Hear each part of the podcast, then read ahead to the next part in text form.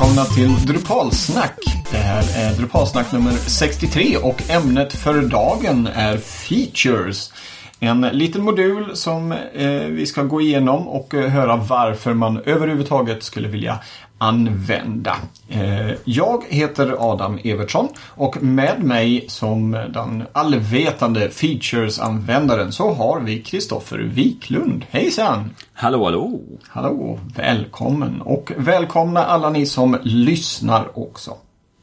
Vi ska börja med att nämna att det här avsnittet av Drupalsnack sponsras av Kodamera, en webbyrå med inriktning på öppen källkod. Ämnet för dagen, som sagt, är Features. En eh, modul som jag hörde talas om först när Drupal 7 kom. Eh, den, finns den överhuvudtaget för sexan? Det vet jag inte. Vet du det, Kristoffer? Uh, nej, jag tror den nog kom i sjuan. Det var väl då. Ja, ja, jag har för mig det. det. det. var i alla fall då eh, som den kom in på min radar, som man ska säga. Mm. Eh, men i alla fall, Features. En välanvänd eh, modul och vi kommer att täcka in exakt varför den är välanvänd och vad man ska använda den till och vad man kan använda den till. Och lite även vad man inte kan använda den till. Använder du Features, Kristoffer? Ja. Mm. Privat och jobbet? Ja. ja. Inte så mycket privat, för då sitter man alltid och happy-codar live på production. ja. Men, men eh, i jobbet så använder vi det konstant hela tiden. Mm. Eh, om jag börjar med att berätta vad jag tror att features eh, är till för och eh, vilka problem den kan lösa. Och så kan du säga om jag är ute på hal is eller om jag har någorlunda rätt. Hur, hur låter det? Mm.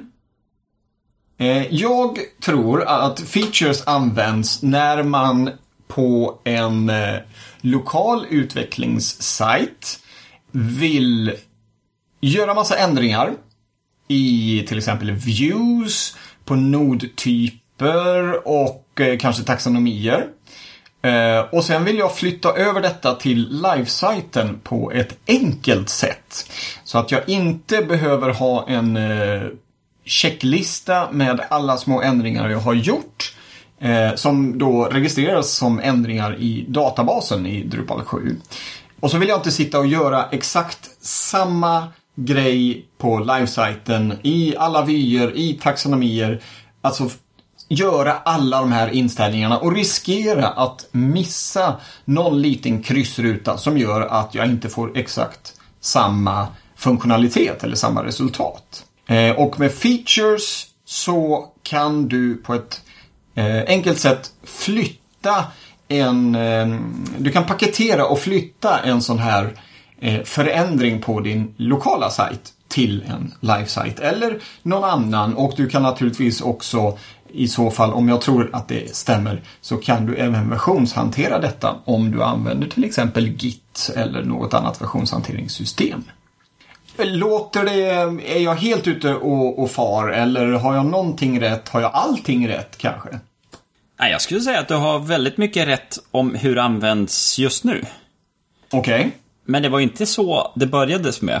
Och det är därför namnet är lite förvirrande. För features kommer ursprungligen ifrån att man eh, ville kunna paketera en funktionalitet och kunna återanvända den på en annan sajt. Till exempel, okay. jag vill kunna göra en ett blogg. Och då har man ju en blogg content type med en vy. Mm. Och då, då när jag har den på en sajt så ska jag kunna skicka ut den som en feature så är det egentligen som en modul som jag aktiverar på mina andra sajter. Fast, fast det är inte en modul då, utan det är en konfiguration kan man säga. Japp. För det lite, mer... lite som, en, som apps-tänket blev sen mot eh, när sjuan hade varit igång ett tag va? Ja, lite grann. Lite grann, ja. Äh... ja Okej, okay. så att det var tanken då att man skulle kunna ha, man skulle kunna göra grejer och på det här sättet då lätt återvinna eh, på andra sajter. Ja. Okej. Okay. Men, eh, men så blev det inte. Du får berätta vidare. Ja, och, och eh, så här, det löste den mm, på ganska okej okay sätt. Däremot så hela Drupal-communityt ville ju egentligen ha det här flödet att jag gör någonting i kod på dev och sen flyttar jag bara koden till production så är det som, eh, då är det live då. För det är ju det man gör, i, kodar man egen POP då sitter man ju eh, inte med att ska aktivera moduler och man ska klicka i views och sånt. Utan då är allting i kod. Ja, precis. Och, eller om du kodar ett, en, en, en app eller något sånt. Då är det ju, allting är ju kod. Men då är det lätt, att flytta, lätt att flytta eller lätt att deploya då eller flytta till production-servern. Ja, mm. men i Drupal så har man ju hälften är ju i, i databasen. Och Precis. den är ju både, databasen innehåller ju då både struktur för hur sajten funkar och innehåll vad som är i den. Mm. Det här låter ju lite som, eh, nu, nu går jag ifrån ämnet lite grann men ändå behåller lite fokus på features. Det här låter ju lite som Configuration Management Initiative som kom i Drupal 8. Där du eh, ska kunna eh, dumpa ut, eh, vad ska man säga, konfiguration Eh, i en, eh, om jag minns rätt, en zip-fil som du lätt kan ladda upp på livesajten. Um, har de, har de liksom tittat på features och gjort detta eller har features gått in i Drupal 8? Vet du, vet du något där hur, hur det funkar och, och så? Jo, men för Drupal 8 så gjorde man ju som så att man hade det här problemet och man insåg att här har vi en, en contrib-modul som man har misshandlat till ett annat syfte än vad den ursprungligen var byggd för. Mm. Och då började man ju titta då på Configuration Management Initiative. Och man gjorde, man tog ett, ett nytag, man tittade, okej okay, vi börjar på ett rent papper, vi har lärt oss jättemycket från features. Hur skulle vi göra om vi utgår ifrån att det här är configuration management och inte features-paketering? Mm. Och det är ju det som då har lagt grunden. Så mm, CMI är ju som en omstart med eh, version eh, nästa utav features där man har gjort man har eh, fokuserat på vad man egentligen, vilket problem är det huvudsakligen vi vill lösa. Mm. Så då har man ju som gjort det och byggt in det i Core. Och sedan finns en feature-modul för Drupal 8. Och den används då för just den här features-paketeringen. För eh, det som är nu med CMI är att om jag flyttar en konfiguration från en sajt till en annan, då måste jag flytta all konfiguration. Jag kan inte ta ut vissa delar av en sajt och säga ja men jag vill bara ha bloggfunktionaliteten från den här sajten över till nästa sajt. Mm. Flyttar man konfigurationen flyttar du allt. Okej. Okay. Och så länge du jobbar på en sajt så är det ju det du vill ha för då får du med alla dependencies. Eh, och så här hur data hänger ihop och strukturen och det finns ett jätteavancerat tänk. Och alla corner cases har man jobbat med för att kunna flytta konfiguration från utvecklingssajten till produktion. Men mm. de måste i slutändan, de kommer att bli identiska med varandra hela tiden. Och det är därför, ja men om man har till exempel en, en bloggpaketering eller man har en mediaspelarpaketering eller en webbshopspaketering som man vill lätt komma igång på en annan sajt. Det är ju då features har blivit som renodlat till vad det egentligen ursprungligen var. Ja, ja. Så att med eh, åttan så eh, finns grunden i kärnan redan från början medan features då har tagit en annan roll där de egentligen sköter eh, finfördelningen man ska säga. Ja, eller mm. fördelningen mellan olika sajter. Inte mellan samma sajt i olika utvecklingslägen. Nej, mm. Nej vad intressant. Mm. Men eh, det här kommer ju ändå kretsa ganska mycket kring Drupal 7 eftersom features där har funnits i några år och den är en stabil modul. Medan för 8 så om jag minns rätt så är den fortfarande i Dev. Ja, eh, nej förlåt. Eh, det finns en beta sen i april, beta 3. Eh, så att de har kommit långt där också. Men du har inte använt eh, features så mycket för 8 än utan det är mest 7 Ja, och de sajter vi har byggt i åttan så har ju CMI löst våra problem. Så det som är i Core löser det vi vill ha. Ja. Så att eh, för er som lyssnar så eh, ta med er det som vi säger och eh, vet att det är baserat på vad ska man säga, erfarenheten utifrån Drupal 7. Men att det finns då liknande för Drupal 8. Både via CMI, Configuration Management Initiative, och Features som då även finns för Drupal 8 som en Contrib-modul. Mm. Mm. Hur eh, Features Klarar det som vi har pratat om nu, klarar den det själv? Eh, eller behöver den hjälp av eh, andra kontribmoduler som, eh, som ofta är i Drupal? Att man kan kombinera flera moduler för att få fram en, en önskad funktionalitet. Ja, Features har som ett grundframework om hur saker och ting fungerar. Sen så, de större modulerna och Core, eller egentligen så Features tar hand om stödet mot Core och de stora kontrimodulerna har då sett till att de har hookar för Features. Så att de mm. har byggt in feature-stöd. Så att det är ju när vi utvecklar nya sajter och vill testa en ny modul så är det ju en sak vi tittar på. Har den här modulen feature-stöd?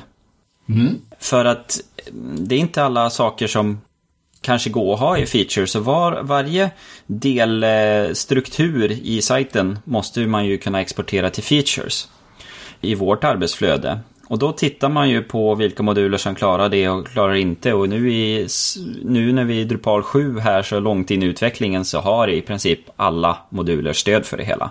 Har du, har du någon gång hamnat i den situationen att det är någon modul eh, som ni har lagt till i ett projekt som inte har stöd för features? Mm. Mm, ja, det finns vissa corner cases där man kan känna att eh, här kanske jag gör ett manuellt steg. Mm. För features klarar inte hela vägen. Ja. Um, så det, det var egentligen min följdfråga där. Vad gör man när, när detta inte ham eh, eller när man hamnar i en sån situation där du inte kan exportera viss funktionalitet via features. Och då är det det att då får man göra det steget manuellt helt enkelt. Mm. Mm.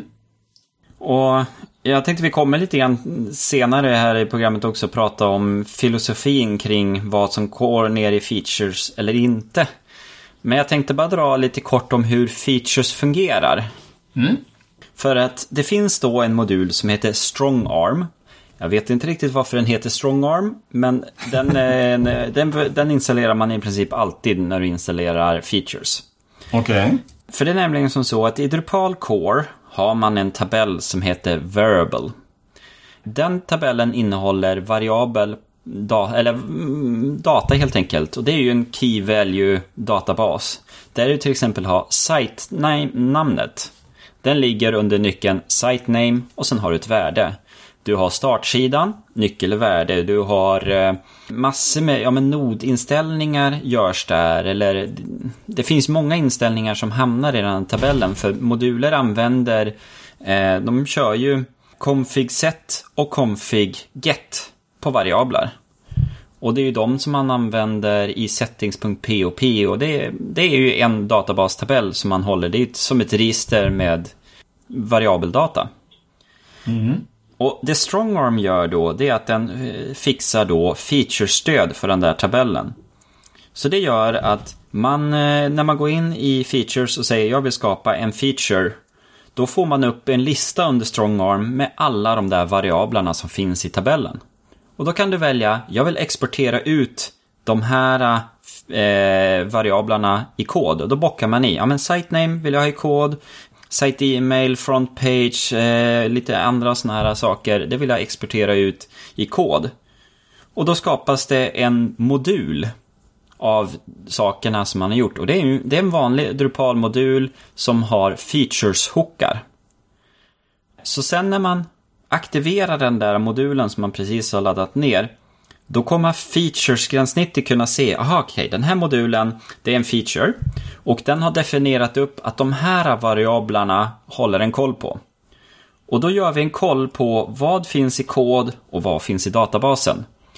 Och är det någon diff där, någon eh, skillnad, så då kommer vi i Features admin-gränssnitt säga oj oj, här har vi en, en overridden, eller det är något, eh, det är ett problem här. Eh, ska du köra det som är kod, eller ska vi ha det i databasen? Hur vill du göra?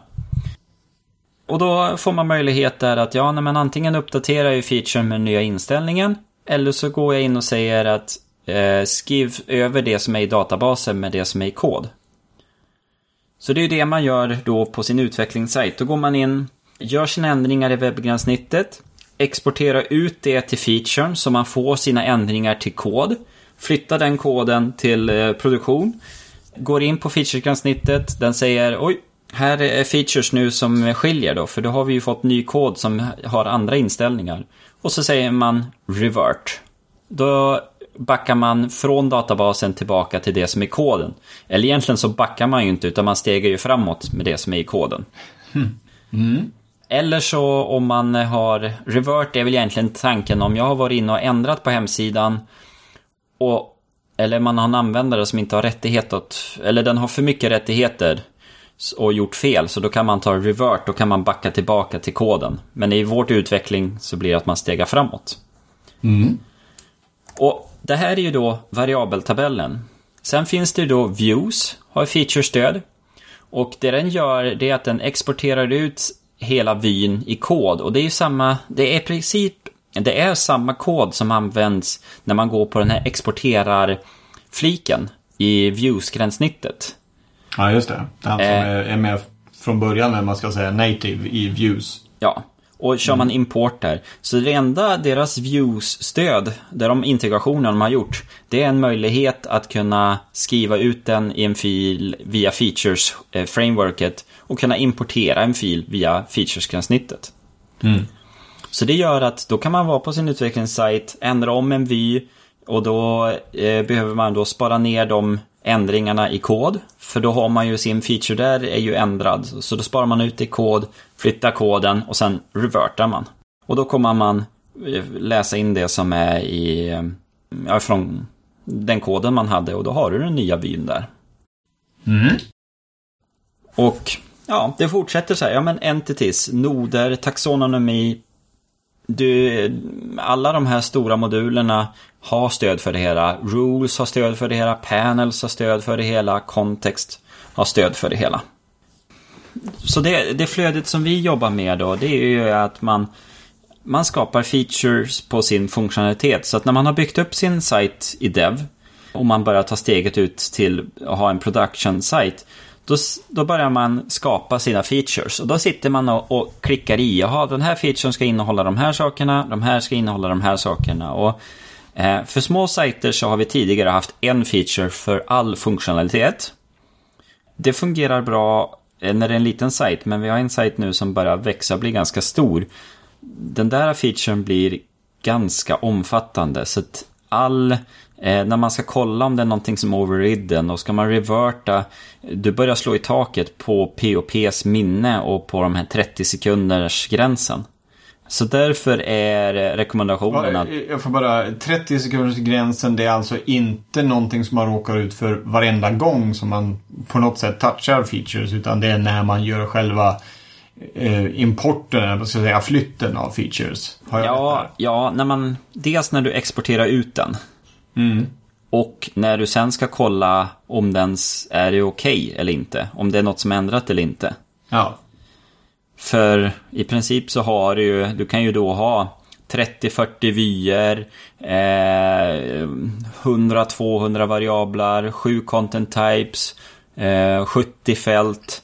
Det börjar bli ganska mycket som den ska kolla igenom innan den kan leverera sidan och säga att här har vi två variabler som är ändrade. ja. Så där är, eh, vad ska man säga, eh, the road to success eller recipe for success är att, eh, att dela ner det och, och ta det i mindre bitar. Ja. Mm. Så Bra, tack. Eh, Fortsätt. Ja, så vårt, vi brukar göra tänka så här att en feature per content type. Det, det, det är startläget. Sen så får man se det med views. Den kan man klumpa ihop. Eller så tänker man sig att det är per sida. För oftast kanske man har eh, fem, sex sidor på en normal eh. Att man, man grupperar ihop dem kring det. Så att du har en, en blogg-feature som har den vyn för hur den ska hantera. Den har i sin tur dependencies på blogg content typens feature.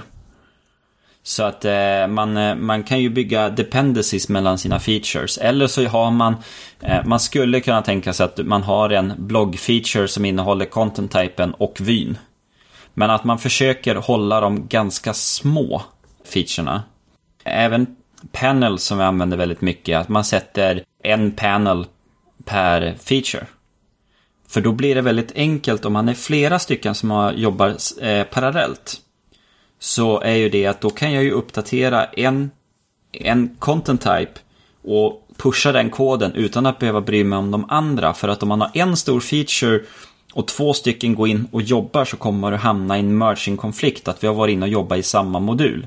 Om man nu har splittat isär det här eh, i eh, 20 olika features slash moduler så kan jag ju jobba på en feature-modul och den andra kan jobba på en annan feature-modul utan att vi får några konflikter. Så att mm. därför så är det bra med många små features och deras gränssnitt har, har som stöd för det hela för att när man listar sina feature och vilket state det är i så kommer man först få en lista på alla features. Sen via Ajax så laddar den in vilket state de är i. Så de tre staten som en feature kan vara i är Default, Overridden, Needs Review. Och Default, det betyder att databas och kod är i synk. Overridden, det betyder att databasen har några ytterligare ändringar jämfört med vad som finns i kod. Och Needs Review, då har man hamnat i ett läge där du har lagt in ny kod och du har gjort en ändring i databasen på samma funktionalitet. Till exempel ordningen på en, en content types fält. Om du har ändrat både i koden och i databasen, då kommer de där två, då kommer de merging konflikter. Och då har du en needs review där features då flaggar upp att hej hej, nu har du ändrat både i databasen och i koden. Det här får du ta och hantera. Så då får man ju antingen säga det att okej, okay, kör med det som är i databasen eller läs tillbaka det som är i kod. Det är ju ett, bra säkerhetsnät faktiskt. Ja. Att, att eh, den har sån koll. Mm. Det, det, visste jag inte att, eh, att man hade så mycket hjälp av features. Mm.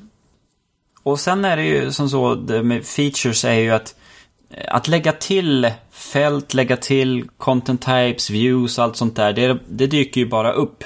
Om man däremot tar bort funktionalitet ur en feature så kan det hända två olika saker. Eh, tar du bort en vy ur en feature och laddar upp den nya koden till sajten, då kommer vyn försvinna helt och hållet. För det är nämligen som så att den vyn är bara definierad i kod. Så när du kör en drush, drush CC all, när du tömmer cachen, då kommer den kolla alla moduler som definierar upp en vy, kommer den läsa in i cache-tabellen. Men den finns inte i views-tabellen, utan den finns bara i en cache views-tabell. Så den försvinner på en gång när du tar bort den från featuren. Men tar du bort en content type ifrån en feature, då kommer inte den content typen försvinna för att du har data då som gör att den, har, den måste finnas kvar. För data rör inte feature, den rör bara funktionalitet. Nej, precis. Och en vy visar ju bara den har ju ingen data så utan den, den är ju ett, vad ska man säga, ett filter för innehållet. Den visar ju innehållet på olika sätt. Ja. Och eh, upptäcker du att jag behöver den där vyn, ja men då kan du ju bara eh, gå tillbaka i revisionerna i Git i eh, versionshanteringssystemet och då får du tillbaka din vy. Förutsatt att man använder versionshantering ja. då? Ja. Men det är som, som Drupal-utvecklare eh, även på en ganska låg nivå, eller man ska säga på en personlig nivå, så känner man ju sig otroligt hjälpt av versionshantering. Och vi har sagt det förut, men det kan upprepas igen, att använd Git. Eh, om det så bara är för ett, ett plant arbetsflöde där du inte, där du sitter själv och, och, du inte behöver eh, ha, ta hänsyn till någon annan eh, eller råka ut för merge conflicts eller något sådant som man förr eller senare råkar ut för. Använd Git, du har koll på vad du har gjort i ett projekt. Så att eh, ja, har vi pingat lite för det också. Där. Mm. Mm. Nej, intressant, riktigt intressant. Eh, jag känner mig eh, taggad att börja använda features. Eh, även om för min del så, så blir det faktiskt, för nu börjar jag titta på projekt i åttan här. Så att då kommer det bli det, det nya sättet, eller man ska säga, där CMI tillsammans med features får bli, bli det som jag pysslar med. Mm. Och där har man ju också, om vi tar just med åttan och sjuan och kring features, det är ju vad är man egentligen versionshanterad eller trycker ner i kod? För vad är struktur och vad är innehåll? Mm. För eh, till exempel meny-items eller menylänkar. Ja. ja. Är det innehåll eller är det struktur? Det blir en så här filosofisk fråga som beror på projekt. Mm. Det får du berätta lite mer. Jo, för till exempel om jag bygger en enkel broschyrsajt som jag vill trycka ner i features. Och sedan så, ja men vi har en vanlig, ja men kontakta oss, vi har medarbetare, vi har nyheter. Och sen nu så, nej men jag, jag tar och gör en, en till sida som heter produkter. Ja men då vill jag ju, har jag gjort det här nu på utvecklingssajten, då vill jag ju att produkter, eh, länken ska ju dyka upp på produktionssidan när jag lanserar den senaste koden. Mm. Men den kanske är ju beroende utav att noder finns. Om man har länkat till en vy, ja men då kanske vyn kommer med. Men jag kan ju gå in och skapa länkar och ta bort dem väldigt enkelt. Och det är ju, jag kanske har en administratör som går in och skriver egna länkar. Så att eh, just för en broschyrsajt, då är ju det struktur. Jag vill ju inte att jag saknar en kontakt eh, i menyn. Men om vi har en, eh, låt säga om vi har en annan sajt, du har en typ av wiki.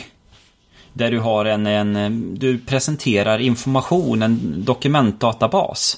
Där du skriver, där länkarna är en del utav innehållet. För jag skriver ju, ja men här skriver jag om, om, om features. Och sen har jag underlänkar där jag skriver om eh, features-moduler eller features-problematik, tips och robot, eller tips och eh, tricks och sånt.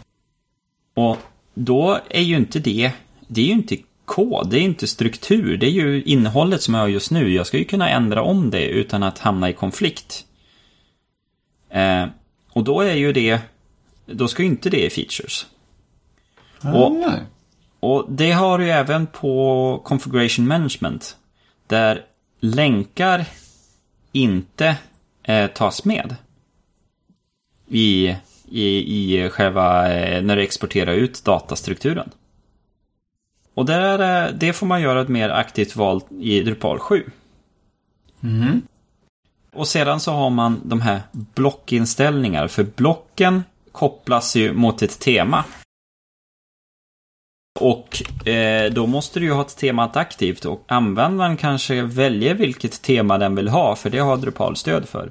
Och, och då måste man fundera vad ska man ha med där eller inte. Och sen eh, så har vi också, vi hade en sajt där vi hade en nod som var en sån eh, take a trial, en eh, demoformulär. Den var ju jätteviktig för strukturen för det var ju den vi anropade till i kod. Då kan man med en extra modul exportera ut noder som kod.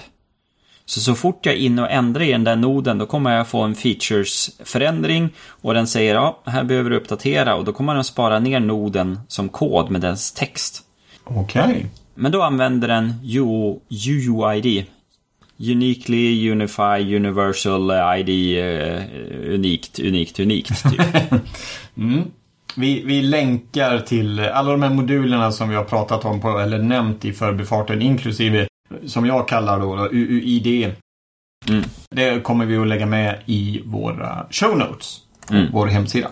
Okej, så att eh, här kan man ju då också använda eh, features för att eh, skicka ut eh, content, alltså innehåll eh, från en sajt till en annan. Och du nämnde att det var en eh, extra modul, en contrib-modul som löste detta tillsammans med UUID. För det är inte bara UUID-modulen som gör det. Har jag rätt där? Ja, nej. Vad heter då den här modulen? Den heter UID Features. All right. Mm. Och det är ju då, då exporterar man ju ut sina noder i kod. Så då blir det en kodfil och du flyttar noderna via flytta de där äh, modulfilerna. Sen så tror jag nog att den du tänkte på, det var deploy-modulen. Eh, ja, det får jag nog erkänna att jag trodde att det var. Ja, nej för den använder också UOID, UID, men den flyttar datan från sajt till sajt utan att gå via kod. Har features någonting med deploy-modulen att göra? Nej. Nej. Då eh, sparar vi den till ett eh, annat avsnitt helt ja. enkelt. Men det var en väldigt bra fråga. Tack så mycket. Tack. Mm. Eh, vi börjar närma oss eh, slutet på det här avsnittet av Drupalsnack som idag har handlat om features. Eh, för den som bara råkar eh, vrida på radion eller råka klicka med musen lite senare på eh, ljudspåret. Eh, tack så jättemycket Kristoffer för din genomgång. Eh, jag har i alla fall blivit eh, väldigt intresserad av features. Eh, jag ser klara fördelar med den.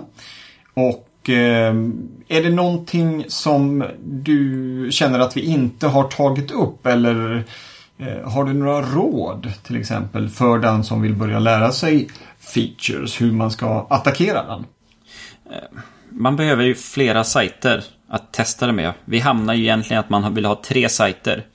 För du har en utvecklingssajt där jag gör mina ändringar. Sen har du produktionssajten. Sen vill man ju kunna testa sin features innan man trycker den på live. Så då hamnar du med en staging-server mittemellan där man tar in live-databasen och tar in koden, ser så att det funkar. Mm. Så att man, jobbar man med feature behöver man också se till så att man håller koll på hur jag sätter upp flera versioner utav min kod, hur jobbar jag med databaser, kunna flytta databas lite hit och dit. Mm. Att ha, att ha ett, ett sådant arbetsflöde, att man jobbar lokalt, man har en stage-server och, eh, och en production eh, eller live-server. Eh, I alla fall när man jobbar på webbyrå som du och jag gör så är ju det ett naturligt flöde. Ibland kanske man till och med har två stage-sajter. Mm. Men sitter man hemma så kan det ju vara, kanske man kan tycka att att det blir ett onödigt steg att man har den här mittenvarianten. Förhoppningsvis så har man ju det, men om man inte har det så får man ju köra lite High Chaparral i så fall. Och då, då kanske det må bära eller brista. Men eh, skulle du säga att om man bara kör lokalt och live om man trycker upp eh, sin feature på live utan att testa den någon annanstans och det skiter sig. Räcker det då med att bara ha en databaskopia sen precis innan man eh, laddar upp sin feature? Eller förstör man sajten liksom även ner på kodbas eller vad man ska säga? Nej. Måste man ha backup på allt? Eller är det främst databasen som man i så fall kan bara, åh nej, det sket sig, ja, då får jag tanka upp en, en eh, kopia av databasen. Ja, oftast så är det ju, ja men databasen kommer långt med, men koden vill man ju ha i versionshanterat så kan man ju backa tillbaka där också. Mm. Det är sant. Så för er som känner er lite eh, våghalsiga så skulle ni kunna göra så. Men ta det från eh, proffsen, eller i alla fall ett proffs, Kristoffer, eh, att ha en stage-server emellan. Och det kan ju vara något så enkelt som bara en, eh, en annan installation på din Eh, lokala dator där du testar. Mm. Tack så jättemycket Kristoffer. Nu har jag sagt det två gånger. Jag kommer inte att säga det tre eh, gånger. För, eh, för äh, jo, det gör jag. Tack så jättemycket för din kunskap om features som du spred i och med eh, Drupalsnack nummer 63. Vi ska avsluta eh, det här avsnittet med att säga att vi är ju lite gammalmodiga. Vi har till och med ett nyhetsbrev. Så gammalmodiga är vi. Och vill ni få ett litet mail i er inbox när det kommer ett nytt avsnitt av Drupalsnack så hoppa till vår webbplats drupalsnack.se och så klickar ni in på nyhetsbrev så kan ni anmäla er till vår nyhetsbrevslista. Eh, använder du en RSS-läsare så har vi ett RSS-flöde. Det hittar du också på drupalsnack.se. Eh, I de sociala kanalerna så finns vi på Twitter. Då heter vi Drupalsnack. Där kan ni snacka med oss eller eh, pinga något. Kanske vad ni vill att eh, ämnena ska eh, handla om eller de olika avsnitten ska handla om. Och eh, vi är tillbaks om två veckor. Och vi avslutar med att säga att det här Avsnittet har sponsrats av Kodamera, en webbyrå med inriktning på öppen källkod. Och med det så tackar vi för oss. Eh, ni som vill höra mer av oss kan stanna kvar på eftersnacket. Då blir det högt och lågt, lite Drupal, kanske något annat också. Men eh, utöver det så säger vi tack och hej då! Hej då!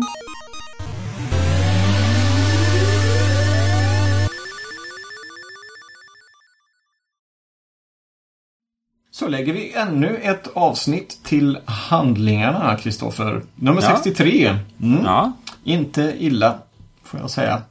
Eh, Det trodde jag inte när eh, vi satte igång det här för några år sedan. Eller vi ska jag inte säga, det var du och Fredrik som satte igång det. Jag kom in först från avsnitt två. Men eh, jag tycker om att höra min egen röst, så att då hängde jag på. ja. Drupal 8 tycker jag vi kan ägna det här eftersnacket åt. För att nu händer det grejer. Eh, jag satt eh, senast i, eh, i helgen och började jobba på att föra över min blogg till Drupal 8. Jag har, en, jag har visserligen en responsiv design och det är Drupal 7 men det har inte hänt så mycket på den designen på några år. Så att nu nu har jag gått över till Drupal 8 och jag har hittat ett, eh, ett tema som om jag minns rätt nu heter Clean Blog. Och jag brukar faktiskt utgå, jag kodar inte mina teman själv.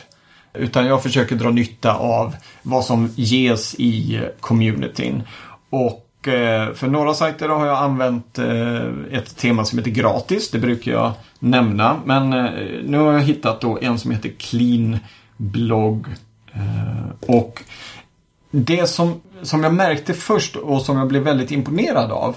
Det var att det temat kunde skanna av och se vilka fält som används på de olika eh, nodtyperna eller, eller egentligen vilka fält som finns. Och fråga mig i temat, eh, du ska ha en bild som är längst upp. Det blir ett sånt här klassiskt bloggtema med en stor bild längst upp och så ligger titeln ovanpå. Det är alla som har varit inne på en Wordpress-sajt eh, vet vad jag pratar om. Det är liksom standard. Och det här är första gången som jag har sett ett, ett tema i Drupal som, som frågar liksom vad, eh, vilken bild eller vilket fält ska du använda? Mm-hmm. Eh, det var lite häftigt och jag tror att det är nog någonting som eh, som, eh, jag har ju inte sett det i Drupal 7 innan och då har jag ändå gått igenom en ganska stor del eh, teman. Men jag undrar om inte det är någonting som Drupal 8s nya struktur och eh, uppbyggnad har gett möjlighet till. Och jag tror att det här skulle kunna innebära att vi eh, kommer att kunna se mycket mer avancerade teman i Drupal 8.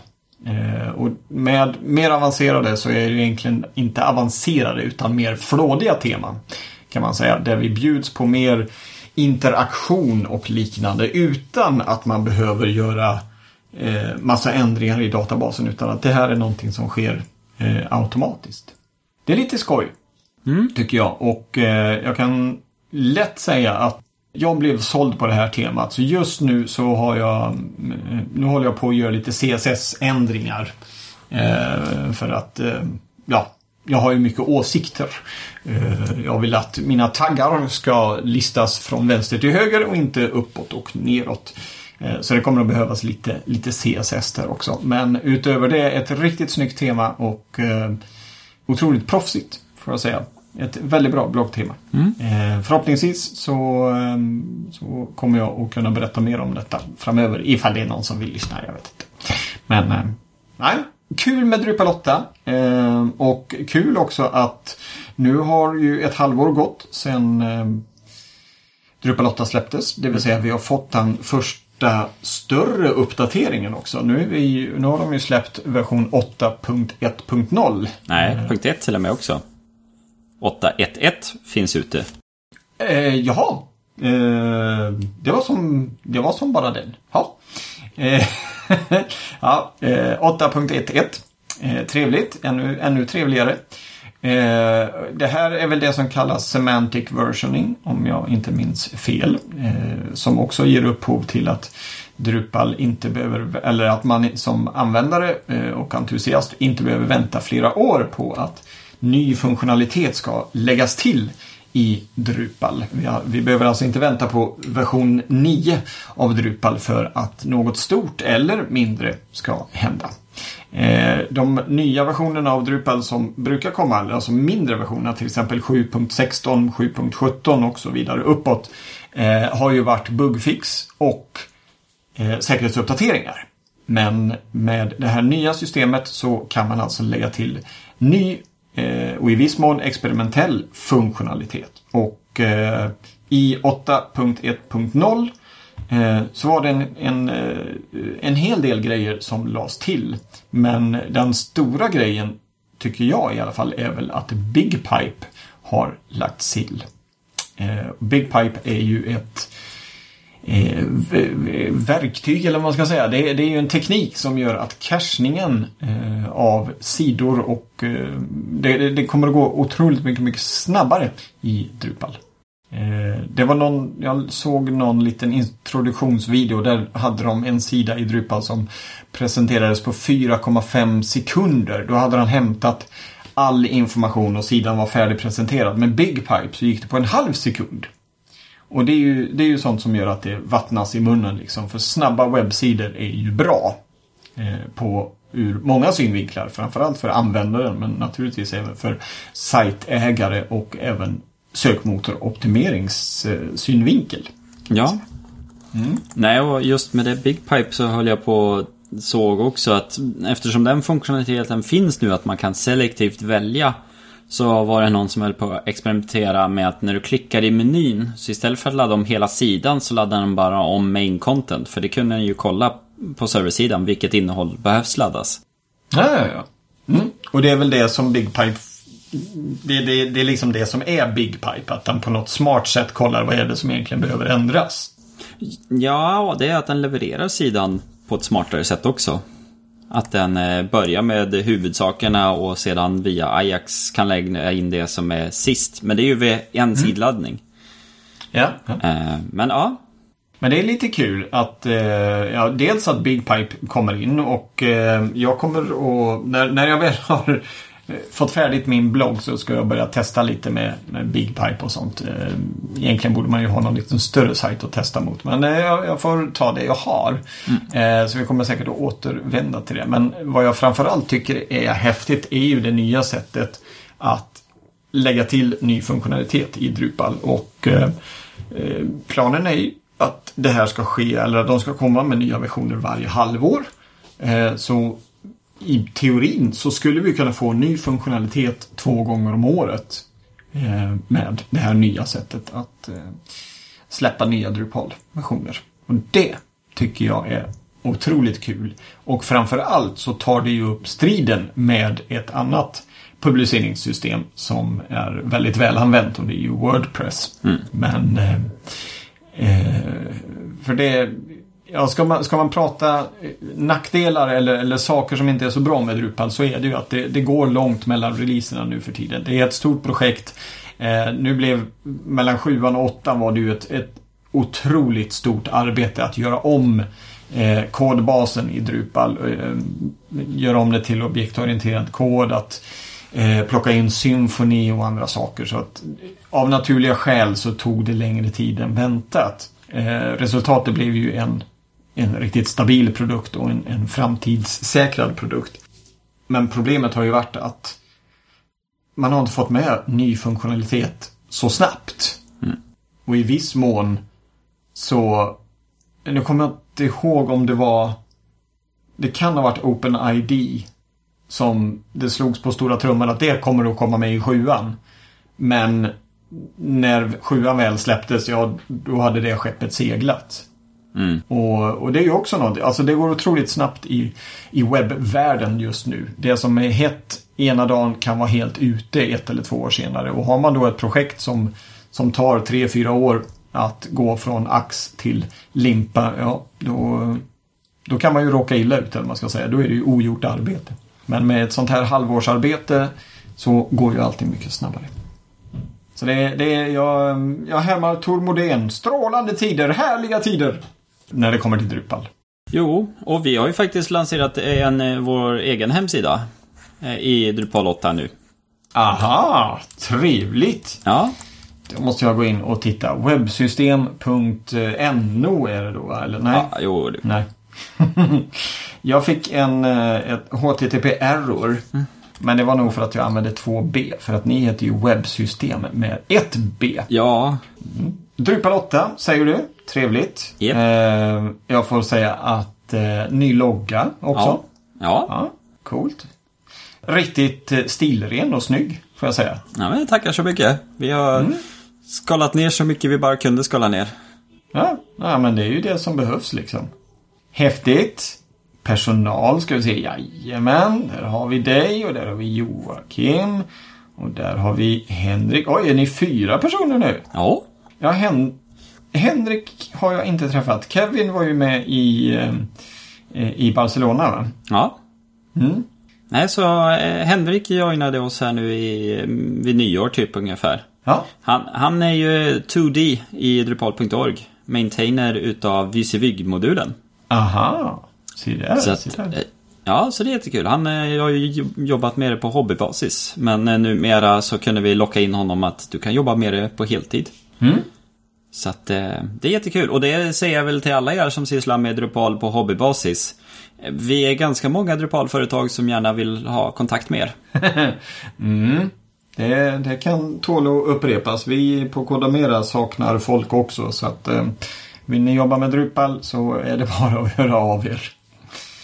Det är, ja, det är lite häftigt att det är sån, eh, sånt sug efter eh, Drupalister och eh, POP-människor och eh, allt sånt just nu. Märker ni av det, inte bara på ert företag kanske, men eh, överlag uppåt landet också? Ja, framförallt så märker vi det att de projekten vi har finns det hela tiden vidareutveckling på. Vi har ju inriktat oss på det, men det är så här, ja men det här, och nu nu kan vi ta det här större och vi gör det mer. Ehm, för det var ju ett projekt här nu som jag jobbade med, det var ju väldigt enkelt. Jag, eh, det är ett flöde där, det är ju för den här tidningen eh, Webben 7 där de lägger in eh, annonser och det går sedan och skapas pdf för att tryckas i tidningen. Och vi hade lite problem där med att hålla reda på eh, vilka är betalda och inte betalda för det kan ju vara alternativa betalningsflöden än bara webbshoppen utan det kan vara Swish eller så kommer de in och betalar kontant över disk där. Mm. Eh, och de får ju hjälpa dem för det är alla möjliga användare. Eh, så nu kom det här behovet upp. Ja, men kan vi inte lägga in så att vi kan kommentera på varje order då? Så att vi har med det i loggen där då. Och det är så här, ja, det är absolut, det är inget problem, det kan vi ju göra. Ja. Och det, och det är sånt här kul att kunna se att ja, men folk börjar inse att ja, men jag kan ju anpassa mitt system Ja. efter vår verksamhet. Ja, det är häftigt. Sen gäller det ju bara att, och, eh, som eh, utvecklare att, eh, att ha tid också. Ja, men man får ta sig tid. Ja, precis. Om, en, om några dagar så är det Eurovision i Stockholm. Då vi får se vad Europas länder kan erbjuda. Idag så är det tisdag. Vi spelar in på tisdag kväll. Och eh, om en liten stund så börjar semifinalen. Så att vi ska faktiskt eh, runda av här med vårt eftersnack. Eh, jag ska gå och smörja mina myggbett Och jag vill egentligen tacka för den här gången. Tack så mycket Kristoffer. Det har varit väldigt trevligt att lyssna om features och väldigt, väldigt kort här på slutet lite eftersnack också om Drupal 8 och om Webbsystems nya hemsida. Mm. Eh, vi kanske snabbt ska eh, avsluta med att säga att idag så har ju DrupalCon i New Orleans kört igång. Så att eh, nu de kommande tre dagarna så kommer det att ha en massa sessioner eh, som filmas och läggs upp på YouTube. Så att eh, kolla våra show notes. Där har ni länken till Drupal Associations YouTube-kanal. Där de redan nu har börjat lägga upp ett gäng videos. Inklusive Dries eh, Dries Note. Hans eh, eh, keynote som alltid inleder eh, de olika Drupal-konsen världen runt. Och jag tror att eh, vi är redan nu uppe i eh, 12-13 Ja, snart, eh, snart ett dussin utav de olika sessionerna som har filmats och lagts, lagts upp. Så att eh, vill ni, och eh, om ni vill ha mer Drupal efter detta så hoppa in på länken till YouTube-kanalen och glo på de här videorna helt enkelt. Men nu Kristoffer, nu ska du och jag slänga oss i soffan och kolla på semifinalen i Eurovision och se hur det går. Tack så mycket för den här gången. Och Tack själv. eh, så hörs vi om eh, två veckor och då hoppas vi att ni som lyssnar är med oss igen. Ha det så gott! Hej då! Hej då!